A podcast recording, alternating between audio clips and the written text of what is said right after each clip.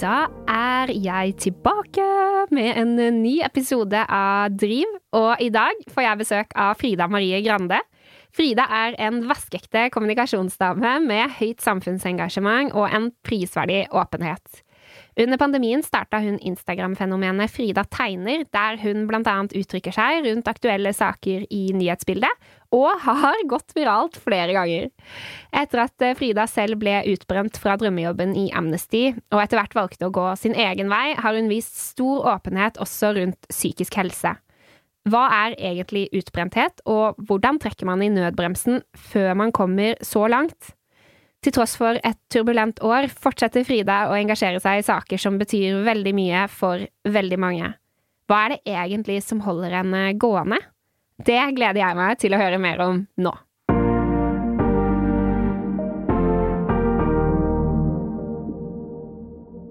Da sitter vi her i studio, og jeg har æren av å ønske velkommen til deg, Frida Marie. Tusen takk, veldig hyggelig å være her. Bruker du Frida, eller bruker du Frida Marie? Eh, jeg har gitt opp Marie, egentlig, for alle sier bare Frida. Ok, ja, men da tar vi Frida. Ja. Eh, jeg er faktisk litt sånn der starstruck jeg, når du kom inn døra her. Så, så det sånn, Du har gått viralt så mange ganger på Instagram nå, og jeg har sett deg så mange steder, føler jeg, i mediene også det siste året. Så jeg er sånn Ha, det var et kjent ansikt! Det er veldig rart for meg å høre, for jeg føler jo ikke sånn på det selv. Nei. Men eh, det er litt hyggelig, da. Ja, Men opplever du å bli gjenkjent på gata? Eh, ja, det hender. Ja. Så noen ganger når noen vil hilse på valpen min, Astrid for eksempel, så er det sånn Ja, det er du som er Frida, ikke sant? Å ja? Valper er alltid en god taktikk for å komme i kontakt med folk. Absolutt. Um, uansett så er jeg veldig, veldig glad for å ha deg som gjest her i dag. Um, vi skal jo snakke om psykisk helse, et tema som jo vi nok begge vet at rommer veldig, veldig mye. Uh, vi skal forsøke å ta for oss deler av det, i hvert fall. Men før vi går videre, så vil jeg veldig gjerne stille deg et sånn uh, åpningsspørsmål som uh, jeg har uh, funnet på her i podkasten, og det er hvis du har en litt kjip dag, hva er det du kan gjøre for deg selv eh, som gjør den litt bedre? Det er nok å komme seg ut, spesielt på en dag som denne. I dag har det vært helt blå himmel og sol, eh, og ganske kaldt, men sånn deilig og friskt kaldt så lenge du kler godt nok på deg. Og det merker jeg at det er veldig godt for meg. Så hender det at jeg finner en spot hvor sola skinner skikkelig, og så bare står jeg der og tar imot og føler at jeg lader batteriet, liksom. Men selvfølgelig, på de aller mørkeste dagene så er det jo vanskelig å få seg selv til å gjøre det. Eh, Men jeg vet jo innerst inne at det er en typisk ting som vil hjelpe meg litt, da. Mm, bare komme seg ut. Mm. Litt lettere med den valpen også, kanskje? Som må ut? Ja, nå må jeg faktisk ut. Ja. Det er litt av grunnen til at det er veldig sunt for meg å ha hund. Ja. For det er jo eh, ingen hemmelighet at du, eh, spesielt det siste året, kanskje har trengt de lufteturene. Eh, du har jo vist veldig mye sårbarhet i sosiale medier. Eh, du har eh, jo gjort som du gjorde innledningsvis eh, med kontoen din, Frida Tegner, og snakka høyt om saker som pride og kvinnehelse og abortloven, men du har også vært åpen om at du har hatt det litt tøft psykisk. Så jeg må jo spørre, da. Hvordan har du det egentlig nå? Akkurat nå er det faktisk veldig bra. Jeg har hatt flere dager nå etter hverandre hvor jeg har følt meg veldig fin i formen, ordentlig sånn glad på ekte, og det er noe jeg har oppdaga de siste par åra, at jeg klarer å identifisere veldig nøyaktig når jeg kjenner på en sånn genuin glede, og det er jo dessverre ikke sånn kjempeofte, eller i hvert fall ikke vært det eh, i den eh, perioden eh, hvor jeg har vært mye sykemeldt og sånn. Eh, men nå føler jeg meg bra, og det handler mye om at eh, jeg føler at jeg blir hørt av helsevesenet, egentlig. Jeg har fått god hjelp av lege og av eh, DPS, for vi prøver å finne ut av om det liksom er et eller annet spesielt da, som gjør at humøret mitt kan dale såpass mye. Mm. Eh, og der begynner vi i hvert fall å få en liten retning, og det kjenner jeg er utrolig godt, for det er veldig skummelt når du ikke skjønner hva som foregår. Og når det gjelder psykisk helse, så er det så utrolig lett å tenke sånn ja, du må jo bare ta deg sammen, herregud, kom igjen, liksom. For selv om vi snakker mye om psykisk helse nå, så opplever jeg at vi fortsatt ikke er i mål med å faktisk anerkjenne at mye av det er utenfor vår kontroll. Mm. Eh, og da blir det masse skam og enda dypere daler fordi man føler seg så dum, da, som ikke klarer å finne ut av det, og Mm. bare gå ut og smile som eh, andre mennesker. For man er jo også veldig lett for å tenke at alle andre har det helt fint, Mm. selv om det strengt tatt ikke er sannheten. Men for å ta det litt tilbake til eh, start for i 2022, holdt jeg på å si, i starten av fjoråret, så starta du i ny jobb som byråleder. Um, og den jobben slutta du etter hvert i, uh, for å uh, satse på egne prosjekter, men også kanskje for å ta vare på helsa. Mm. Um, og så har du vært mye i mediene. Uh, du har gått viralt flere ganger. og så har du vært på interrail. Og for veldig mange så, så tenk, vil jo de tenke kanskje at ok, dette er jo en suksesshistorie. Frida har jo gjort så mye bra. Hun må jo være fornøyd med livet. Eh, og så har det ikke eh, nødvendigvis vært helt sånn bestandig. Eh, så hvem er egentlig Frida bak alt dette her, og kan du fortelle litt om det siste året? Ja. Um, nei, jeg tenker at det starter egentlig den historien her helt tilbake til nesten da jeg studerte, tror jeg. At jeg alltid har holdt på med veldig mye på en gang. Fordi da jeg fant studiet mitt, som var PR og samfunnspåvirkning, som det het, så fant jeg liksom endelig mitt hjem, og noe jeg trivdes med på skolen. Fordi jeg hadde vært sånn helt ok på skolen, men aldri liksom naila noe fag, følte jeg. Men der var jeg sånn wow, går det an å studere dette? Går det an å jobbe med kommunikasjon? Det er jo kjempegøy. Eh, så da brukte jeg mye tid på skole, men også verv og eh, internships og alt mulig eh, ved siden av, fordi jeg syntes det var veldig gøy. Em, og så holdt jo det på da, i ganske mange år, og inn i jobben jeg hadde i Amnesty, som jeg elsket overalt på jord. Og så ble jeg jo sykemeldt for første gang, og det tror jeg nok da var på bakgrunn av alle de årene. Så da jeg nå ble sykemeldt igjen i 2022, eh, så tror jeg nok kanskje at jeg egentlig ikke hadde kommet meg ordentlig fra den første sykemeldingen, at det hang litt sammen. Men det var også en krevende jobb å skulle bygge opp noe helt fra scratch, som jeg aldri har gjort før. Skulle rekruttere, oversikt over økonomi, få inn nok penger, eh, veldig mye der, og også en litt sånn indre konflikt, tror jeg, på om det var egentlig det jeg hadde lyst til. Jeg ble nok veldig sjarmert av muligheten, eh, og så innså jeg at det kanskje ikke var det jeg egentlig hadde lyst til å drive med, da. Mm. Så det har vært eh, mange forskjellige faktorer da, som har spilt inn på det her, men i sommer så var det nok også det at jeg møtte en del mennesker etter denne nettbutikken min hadde kommet opp, og en del gikk rundt med det merchet, som eh, snakka det veldig opp, da, og var Mm. imponert. Og Ja, det var mennesker jeg så opp til. Ja. Kong Harald-tegningene. Mm. Ja. Og da tenkte jeg litt sånn, shit, står disse menneskene, som jeg virkelig anerkjenner, Ja. og sier at dette er en kjempesuksess, da bør jeg vel tørre å satse på det, liksom. Det Mm. jeg genuint brenner for. Fordi den delen av det jeg har holdt på med eh, siste året, det føler jeg ikke at jeg har blitt utslitt av. Tvert imot så har det gitt meg masse. Mm. Og så har jeg blitt utslitt av den jobben jeg har hatt. Så Mm. da tenkte jeg at eh, faen heller, nå må jeg bare tørre Mm. satse på meg selv, og hvis jeg ikke trives med det, så kan jeg finne meg en annen jobb. Mm. Men jeg tror jeg må prøve nå, for hvis ikke så kommer jeg til å ha konstant i bakhodet at det var noe jeg kanskje kunne likt. Mm. Hvilke saker er det som engasjerer deg mest, da? Oi. Nei, det er jo egentlig generelt alle saker som er veldig sånn åpenbart urettferdig. Mm. At det er en svakere part som blir diskriminert, eller eh, som ikke blir hørt. Mm.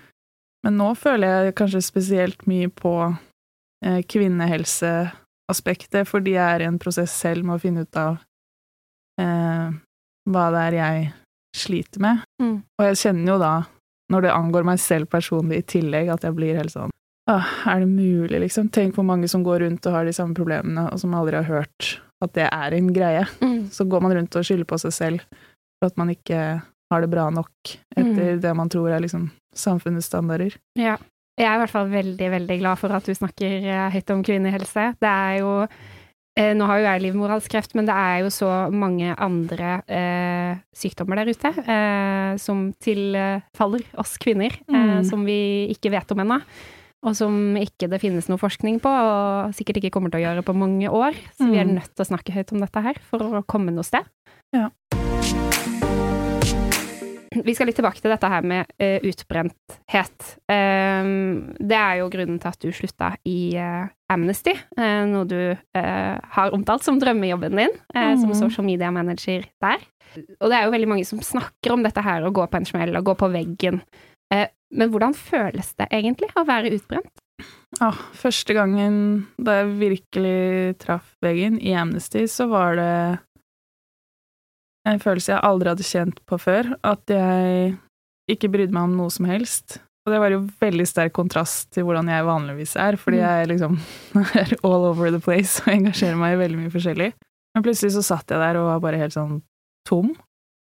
Um, og jeg var jo mye trist, men jeg tror det var først og fremst Jeg tror jeg ble trist av at jeg kjente meg så tom, da. At jeg mm. ikke brydde meg om noe lenger. At jeg begynte å tenke sånn herregud, hva faen er poenget med mm. alt det her? Og det er jo tanker jeg har hatt flere ganger mens jeg jobba i Amnesty, for det er sånn Du får virkelig den brutale virkeligheten i fleisen. Du jobber med saker som er liksom barn mm. i Iran som er dømt til døden, på en måte. Mm. Um, og da kan man jo lure på hva menneskeheten driver med. Um, men selv om det var en brutal virkelighet å jobbe med hver dag, så visste jeg jo også at det arbeidet vi gjorde, fikk verden til å gå litt grann fremover, da. Og det var jo en kjempemotivasjon, selvfølgelig. Men da jeg traff veggen, så forsvant alt det. Um, Hvordan da? Nei, jeg tenkte at uh, det går for sakte, liksom. Mm. Vi jobber og jobber og jobber. Uh, og verden er fortsatt ganske fucka, på en måte. Mm. Det er jo interessant dette her, fordi jeg tror veldig mange assosierer det å møte veggen med at du må ha jobba mye. Eh, eller du må ha pusha deg selv til det ytterste, sånn rent mengde Altså mengdetrening, da. Mm. Men at den innimellom handler heller om det å miste mening med jobben sin. Ja, og det henger jo også sammen, da. Men jeg tror ikke man nødvendigvis trenger å ha jobba sinnssykt mange timer, men det gjorde jeg òg, da. Mm, ja. en god miks der. ja. For det var på en måte Jeg hadde ikke noe hobby, jeg hadde ikke noe annet jeg drev med sånn egentlig, fordi jeg var så genuint opptatt av den jobben, så jeg brukte mm. ekstremt mye tid på det. Eh, men frem til da så hadde jo ikke det føltes ut som noe sånn sacrifice i det hele tatt. Det var så, jeg hadde oppriktig lyst til det, liksom. Mm. Um, men så tror jeg nok også alle generelt føler på at når de har vært i en jobb i x antall år, så begynner ting å gå i loop, liksom. Det er de samme diskusjonene. Du har prøvd forskjellige ting og kommer kanskje ikke gjennom med det. Jeg fikk ambisjoner om å påvirke Amnesty internasjonalt, fordi Amnesty har kontorer over hele verden og vil liksom bidra til at Amnesty tok enda større plass i sosiale medier i mange andre land også. Eh, og det er jo ikke bare bare. så jeg tok nok på meg en litt vel tung sekk eh, og prøvde å gå opp en topp der, som kanskje ikke var mulig, egentlig, og det var heller ikke min oppgave. Jeg fikk bare veldig lyst mm. eh, til å skape mer effekt, på en måte. Så ja. Det er nok ofte litt sånn overambisiøse folk som eh, blir utbrent, og som mm. ikke klarer å se at det finnes en grense for hvor mye man skal få til. Mm. Men er det noen tegn man kan gjenkjenne? Altså man lærer seg å stoppe litt tidligere, da, før det går så langt? Ja, absolutt. Um, første gangen så ante jeg jo ikke hva de tegnene var, for jeg hadde jo aldri noen gang følt på det før. Men nå har jeg vært innom noen runder. Um, og et veldig klart tegn for meg er hjertebank, at du liksom kjenner i brystet at det blir litt stramt, og at mm. hjertet banker. På jobben, eller eh, hjemme også? Ja, eller egentlig litt sånn generelt. Ja. Enten på jobb, eller kanskje hvis du er hjemme og tenker på jobb. Ja. Eller i situasjoner som kan være litt stressende, da. At det er noe du takler dårligere enn du ville gjort mm. ellers. Og for meg så er det også mye gråt, da. At det skal være veldig lite til før jeg faller sammen mm. eh, og begynner å gråte. Um, og så er det generelt mye bekymring, da, hvis du tenker veldig mye på jobb Eh, og ikke klarer å legge det fra deg, så er jo det eh, et dårlig tegn. Mm. Og så er det mange som også sliter mye med søvn. Jeg har heldigvis kanskje verdens beste sovehjerte. så det har aldri vært noe problem med meg, utenom noen kvelder hvor jeg kan ligge og kverne eh, en stund. Men eh, når du kjenner det sånn fysisk eh, i brystet og sånn, så tenker jeg at du skal ta det eh, på alvor. Eller hvis du gruer deg til å gå på jobb. Mm. Det er ikke meningen at man skal grue seg til det. Nei.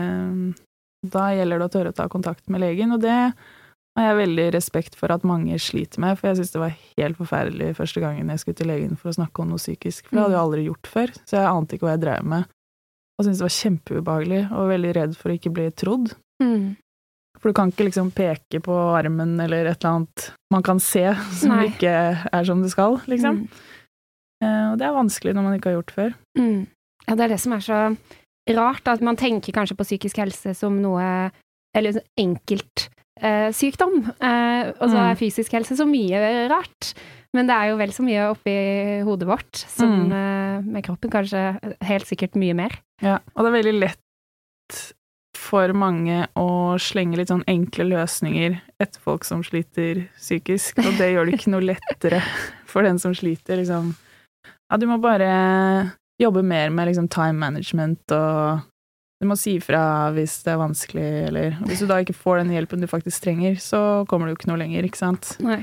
Og man skal ha respekt for um, at de aller fleste syns det er veldig vanskelig å si ifra om Mm. at de ikke har det bra. Så hvis du er leder, så ville jeg tatt det på alvor bare du fikk et lite hint eh, om at noen har det vanskelig. Mm. Eh, og det tenker jeg handler både om eh, å være et godt medmenneske, men også reelt sett, hvis du ønsker at bedriften din skal gå bra økonomisk, da, så må du faktisk ta den psykiske helsa til folk på alvor, fordi Mm. hvis ikke så er de plutselig ute ganske lenger, og det, lenge, og det er jo utfordrende selvfølgelig for enhver bedrift. Mm. Ja, er det For det her er jo én ting, og det, er kanskje noe man forventer av sine nærmeste også, dette med å bli tatt på alvor, at man lytter. Er det noe annet konkret som arbeidsplassene kan gjøre? Jeg tenker at det er en samtale som bør være levende året rundt, liksom. At Ja. eh, man sjekker inn med hverandre, hører hvordan det går, og at man faktisk har tid til å lytte Mm. hvis folk har noe å melde. Og hvis noen sier ifra om at det ikke går bra, så må det følges opp umiddelbart. Mm. Eh, For jeg tror veldig mange har lett for å iverksette et eller annet tiltak akkurat der og da, som sikkert kan være fint, og så tenker man liksom at ja, nå ordna det seg, og så gjør det jo ikke det, og så går det kanskje noen måneder, og så har den ansatte pusha seg selv lenger og lenger og lenger, og så går det til slutt til at det blir en sykemelding, da. Mm. Og det kan man uh, unngå. Mm. Men det er viktig at det ikke bare er sånn å, på verdensdagen for psykisk helse og liksom noen sånne merkedager så snakker vi om det, og at det er viktig. Mm. Ja, og så er det ingen andre bevis på at det er noe ledelsen faktisk bryr seg om. Mm. Eh, men så skjønner jeg også at det er kjempevanskelig fordi det også er så individuelt, og vi er fortsatt ikke vant til å snakke om det. Nei. Selv om psykisk helse har blitt et tema man snakker mer om nå, så er det fortsatt en lang vei igjen, tenker jeg. Jeg merker selv når folk spør meg hvordan går det, og så er jeg bare brutalt ærlig, så er ikke folk helt sånn forberedt på å få det svaret. Fordi de fleste sier jo bare ja, det går greit, Mm. for det er det letteste. Ja, så når du kommer med et svar som faktisk er, eh, er ikke så bra, så Mm. blir de litt eh, tatt på senga. Ja. Ja, ja det, det har jeg vært med på selv. Men man, man lærer seg jo å vurdere hvilke settinger man, man skal ta den i. Ja, Eh, Absolutt. Eh, Og jeg tenker jo også at eh, dette med mening som vi snakka om, at det er jo ikke nødvendigvis sånn at hvis du eh, på en arbeidsplass mister den følelsen av mening med det du gjør, eh, har mista den for alltid. Jeg tenker jo at eh, en som leder også kan hjelpe den ansatte til å finne tilbake til den eh, meningen, gnisten, Absolutt. med jobben man gjør. Og det er jo også et sånn gi og ta-forhold, hvor det selvfølgelig ligger ansvar på eh, den ansatte som sliter også. At du må jo jobbe med deg selv og prøve å finne ut Hvis du har begynt å gå lei av de oppgavene du har, eller sliter med motivasjonen der, prøve å identifisere hva annet er det jeg eh, kunne likt å gjøre. Eh, så det vil jeg bare understreke, at jeg legger ikke alt ansvar på arbeidsgiver, fordi her må man eh, samarbeide. Men det er veldig Mm. viktig at de som sitter i ledelsen, legger til rette for en god prosess der. Mm. Eh, Og så må selvfølgelig den ansatte også eh, bidra for Mm. at det skal gå bra.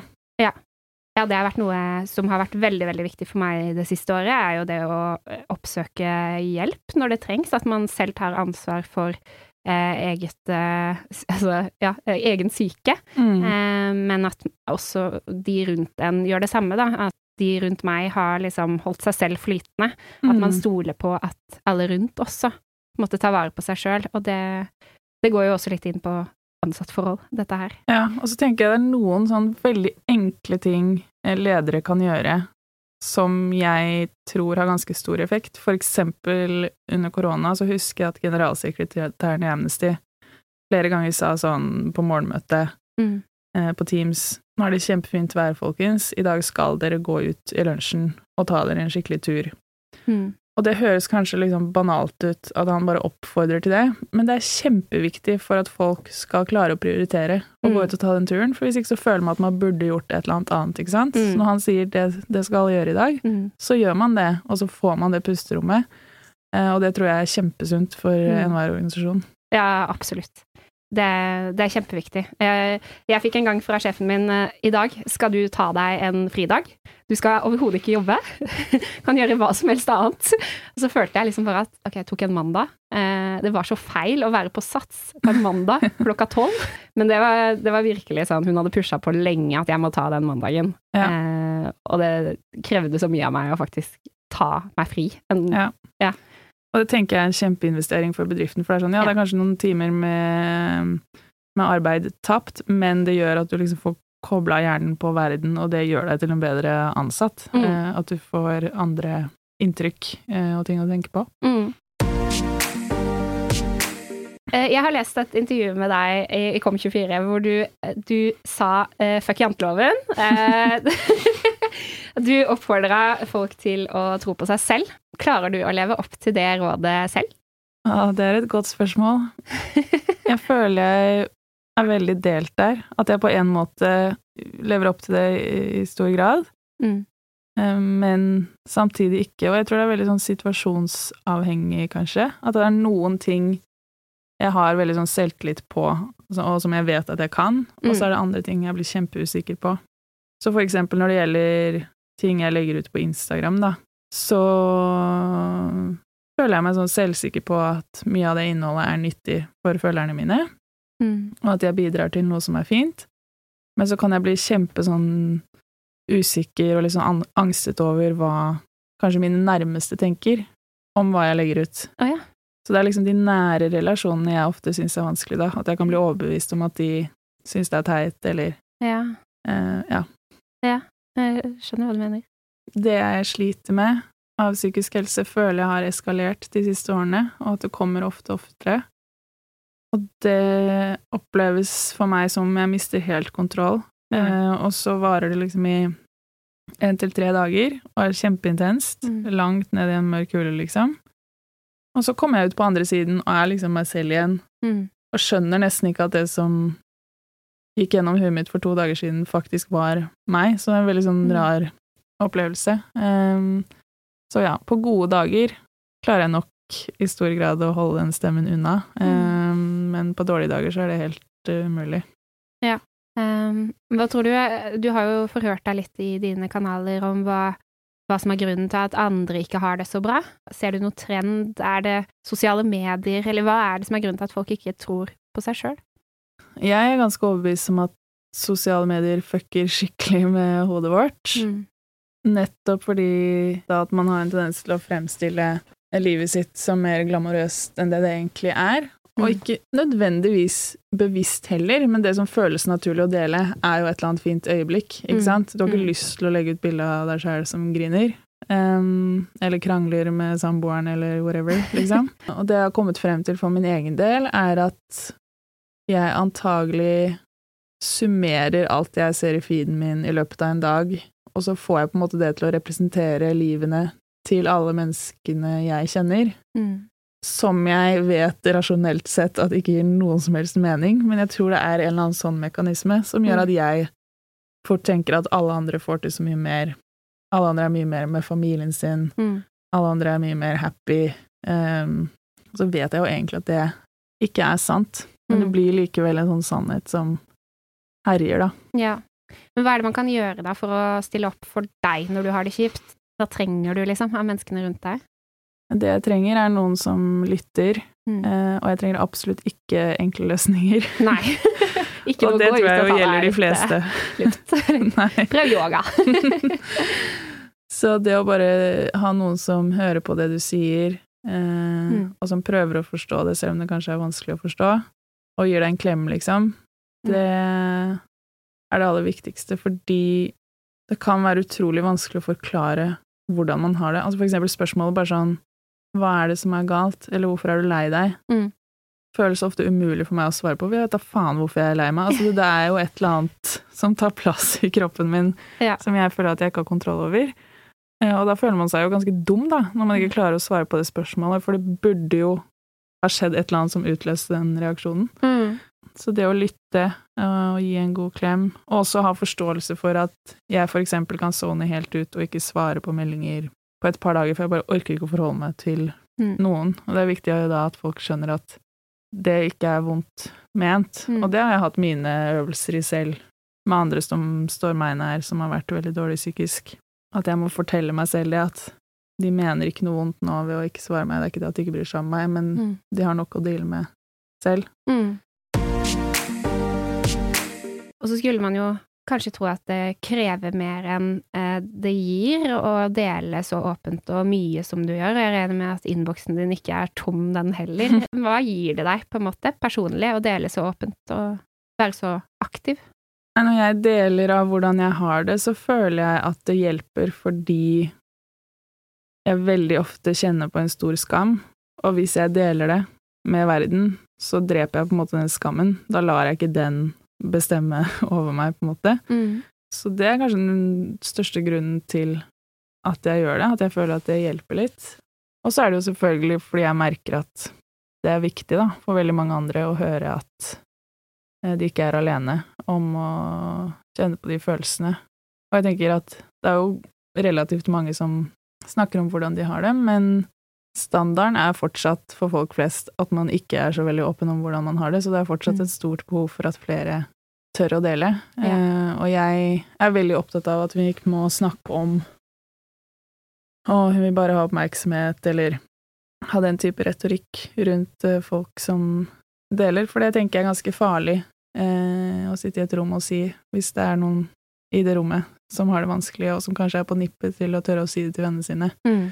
Og så driver man og snakker dritt om noen som har fortalt sin historie. Og for all del, det er ulike måter å, å gjøre det på, og jeg prøver å gjøre det på den måten jeg syns Mm. er riktig. Eh, men eh, jeg tror verden har godt av flere som er ærlige. Mm. Men selvfølgelig da også dele oppturer, og at det er en balanse der.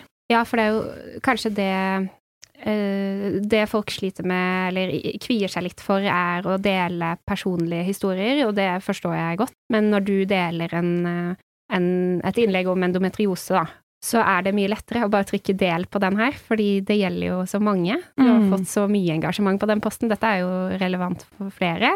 Så sitter denne personen som deler kanskje og sliter med akkurat dette her, men har ikke snakket høyt om det. Ja. Og ved at flere deler, jo, jo mer åpenhet blir det rundt det. Ja. Det er en enklere vei da, til å få mer åpenhet rundt et tema. Mm. Jeg har jo eh, vært litt eh, på researchen. eh, og jeg ser jo nå at du er nominert eh, i hele tre kategorier. Eh, eller i hvert fall som semifinalist til årets Vixen Awards. Det må jeg bare gratulere med. Takk. Det er eh, veldig merkelig. Eh, Og veldig stas, selvfølgelig. For en av de kategoriene er jo årets influenser. Eh, så da må jeg jo spørre om eh, dine drømmer for fremtiden. Hva er det vi liksom bør snakke mer om? Å, det er masse vi burde snakke om. Um, men når det gjelder den der influensertittelen, så merker jeg at den sliter jeg litt med. så jeg liker å kalle meg for påvirker, da, for jeg skjønner jo at det er jo det jeg prøver på, liksom. Å påvirke folk. Nei, jeg tror det er kjempeviktig at vi snakker mye mer om hvordan vi lever livene våre, og det å tillate seg selv å ta litt pauser, liksom. For jeg føler at alle stresser rundt Mm. eh, og skal oppnå det ene etter det andre, og så stopper du aldri opp og anerkjenner hva det er du har eh, fått til, og hvor langt du faktisk har kommet. Mm. Um, at vi hele tiden skal hige etter å bli bedre og bedre og bedre. For hva da, liksom? Hva er det vi egentlig prøver å oppnå? Det er jo en eller annen sånn konstruksjon som gjør at vi tror det er forventa av oss, fra samfunnet og fra de rundt oss, helt sikkert. Mm. Men hvis man tenker over det selv, så forventer jo ikke jeg at vennene mine skal ha en eller annen crazy karriere, eller Altså, jeg driter jo egentlig i det. Jeg vil ha dem som venner, jeg, og dra på hyttetur, liksom. Ja. Eh, Så hvor er det vi får alt det her fra? Jeg tror det er så utrolig usunt. Ja. Så det tror jeg vi må snakke mye mer om. At det er greit å bare ta det litt rolig òg. Mm. Men eh, vi har jo snakka mye om eh, Vi har jo snakka mye om psykisk helse generelt, og utbrenthet eh, spesielt. Eh, har du noen gode råd til de som forsøker å komme seg på beina igjen etter en knekk? Ja, det viktigste rådet der er å ta seg veldig god tid. Um, og jeg vet hvor utålmodig man blir, fordi man både har lyst til å komme tilbake til en normal hverdag og føle Mm. seg som en vanlig person, på en Mm. måte. Men mye av det handler jo også om at man kjenner på så stor skam at man er en byrde for kollegaene som kanskje får mer å gjøre fordi du ikke er der, um, eller andre du skulle stilt opp for. Og det er veldig naturlig å tenke de tankene, men det er jo egentlig motsatt av hvordan man ser for seg når man driver og pusher det. Fordi jo Mm. mer du pusher det, jo større sannsynlighet er det at du faller tilbake, og da får du i hvert fall ikke vært en ressurs, ikke sant. Mm. Um, så det er mye av det jeg har tenkt masse på, og prøvd intenst å liksom kontrollere på Mm. innsiden. Men det er utrolig vanskelig, og det er litt av grunnen til at jeg syns det er veldig godt nå å skulle jobbe for meg selv. Mm. Og så vil jeg selvfølgelig ha jobbrelasjoner til kunder og så videre som jeg må levere på, men jeg kan i hvert fall styre hverdagen og prøve å legge til rette for at det ikke skal bli for mye, da. Og så Mm. får vi nå se hvordan det går. Men nå prøver jeg virkelig å ta det på alvor, fordi jeg kan ikke fortsette sånn som jeg har holdt på. Nei. Ja, for du eh, skal jo starte for deg selv nå. Er det noe du kan fortelle mer om hva, du, hva konkret dette her er? Ja, jeg har ikke helt bestemt meg for hva jeg vil satse mest på, men akkurat nå føles det ut som at eh, jeg får mest energi av de tingene jeg ikke har gjort noe særlig av før. Mm. Eh, jeg prøver også nå å lage en podkast, Ja, eh, og så har jeg en nettbutikk eh, hvor jeg har lyst til å lage mer merch. Mm. Og så kommer jeg til å bruke kanalene mine mer til å kanskje ha samarbeid med forskjellige organisasjoner og bedrifter og sånt. Mm. Um, men så har jeg jo mye erfaring med å jobbe med sosiale medier, både i organisasjoner og som konsulent, sånn at eh, det er jo på en måte det tryggeste for meg å tilby av tjenester til eh, kunder, så jeg kommer til å gjøre litt av det. Mm. Men uh, jeg har lyst til å tørre å bruke en del tid på det jeg ikke har gjort så mye mer av før, fordi jeg syns det er veldig spennende og gøy. Mm. Du har jo veldig mye som driver deg, da. Du får jobbe med både kommunikasjonsbiten, som du jo er helt rå på, og meningsfulle saker. Og forhåpentligvis med meningsfulle kunder. Men har du noen strategi for å unngå å gå på en smell igjen? Ja, strategien er å gå veldig sakte fremover, da. Ja. I går så ble jeg 20% friskmeldt. Ja, Hurra for det. Eh, og det er jo bitte, bitte litt. Ja. Men det skal gå sakte eh, oppover, Mm. eh, sånn at jeg sikrer at jeg først får litt sånn mestringsfølelse og kjenner at jeg klarer å få til noe, Mm.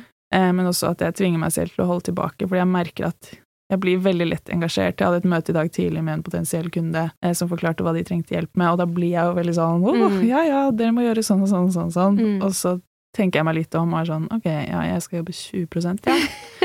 Eh, og dere trenger all den hjelpen. Det går vel egentlig ikke. Dere må gjøre sånn og sånn og sånn, og sånn, og så er det egentlig du som må gjøre det. ja. Så angrer man litt. Og så må jeg også eh, sette sammen denne bedriften på et eller annet vis som gjør at jeg faktisk får utbetalt lønn til meg selv. Jeg kan ikke gi bort alle pengene. Eh, så nettbutikken kommer vel til å fungere litt annerledes nå. Mm. Eh, For jeg tenker å ha et slags fond, og at jeg en gang i året gir penger til de organisasjonene jeg har lyst til å gi til. Mm. Eh, men at jeg ikke er forplikta til å gi så og så mye, fordi det koster mye å produsere Mm. det vi selger. Og jeg må tørre å ta meg litt betalt for den Mm. jobben jeg gjør. Ja, for For du donerte alt overskuddet fra Kong Harald Print eh, til Oslo Pride, gjorde du ikke det? Mm. Hvor mye endte det på? Eh, Litt over en million. Ja, ikke sant. Det var jo veldig gøy. Det er så Men det er også litt ironisk at vi overfører de pengene eh, Det var vel i desember, og da satt jo jeg uten noen inntekt. Ja. Men eh, nå får jeg jo heldigvis hjelp av Nav, da, Ja. Eh, så det er bra. Så um, alt ligger jo til rette for at jeg skal kunne bygge meg gradvis opp, og ikke rushe fram for raskt. Så jeg skal prøve å ikke stresse for mye over økonomi. Ja, Og det er så viktig det du gjør også. Vi andre har veldig mye glede av at du ikke går på en smell igjen. Og hvis du gjør det, så håper jeg at du, du vet hvordan du skal komme deg på beina igjen og får den hjelpen du trenger til det òg. Ja. Um, psykisk Begynner å helse få litt er jo- erfaring. Ja, du begynner å få litt erfaring. Og psykisk helse er jo, i motsetning til eh, mange av de andre historiene jeg skal dele i denne podkasten, noe du må forholde deg til hele tiden. Noe vi alle må forholde oss til bestandig. Og ikke noe som nødvendigvis bare går over, og så er det greit igjen, og så kan man dele det som en historie fra den gang da. Det er liksom Det er noe konstant, da. Ja, og så må man Nå vet jo ikke jeg hva dine andre gjester skal fortelle om, men Mm. jeg regner jo med at psykisk helse er veldig relevant i de opplevelsene de har hatt, og det å anerkjenne det også, at hvis det for eksempel er snakk om en kreftdiagnose eller noe annet som man friskmeldes fra, Mm. eh, så har du fortsatt med deg en psykisk helse som har vært gjennom en ganske traumatisk opplevelse. Mm. Eh, Og det tror jeg også er ekstremt viktig å huske på når man står rundt mennesker som blir syke, at eh, selv om du har fått grønt lys for at du er frisk, så bærer du jo mye med deg. Mm. Eh, og det tenker jeg også ja, generelt er noe vi må ha mye mer fokus på, og som det er så lett å glemme. Eller ikke nødvendigvis glemme, men vi syns det er så ubehagelig å stå i de situasjonene, også hvis eh, noen mister en de er glad i, så får de liksom veldig mye oppmerksomhet uka etter, eller kanskje Mm. to uker etter. Ja. Og så fortsetter folk livene sine. Ja. Og så er det nok veldig mange som egentlig gjerne skulle stilt spørsmål, men så tenker man å nei, jeg vil ikke minne henne på Mm. Eh, at pappaen hennes døde, eller hva som hadde skjedd. Ja. Eh, og så er det egentlig det den personen trenger, ikke sant? Noen som tør å spørre. Mm. Noen som vil engasjere seg i det, Mm. det som har skjedd. Og anerkjenne det at det ikke har gått over, for Ja. det, sånne ting går jo ikke over. Nei, ikke det. Jeg, jeg setter kjempemye pris på at du kom hit såpass tidlig i podkasten min og snakke om psykisk helse, for som sagt så er jo det et tema som gjelder for alle de neste gjestene også. Eh, Det er jo eh, nettopp det her, en sterk psykisk helse, da, som har tatt de videre etter det tøffe de har vært gjennom. Eh, Og jeg håper jo at eh, deres historier kan, kan inspirere andre. Og det blir, eh, det blir spennende å høre, høre med høre videre om hva som skjer med deg også på reisen din, og jeg gleder meg skikkelig til å følge med. Så tusen, tusen takk for besøket. Tusen takk for at jeg fikk komme, det var veldig hyggelig. Vi holder kontakten. Det gjør vi.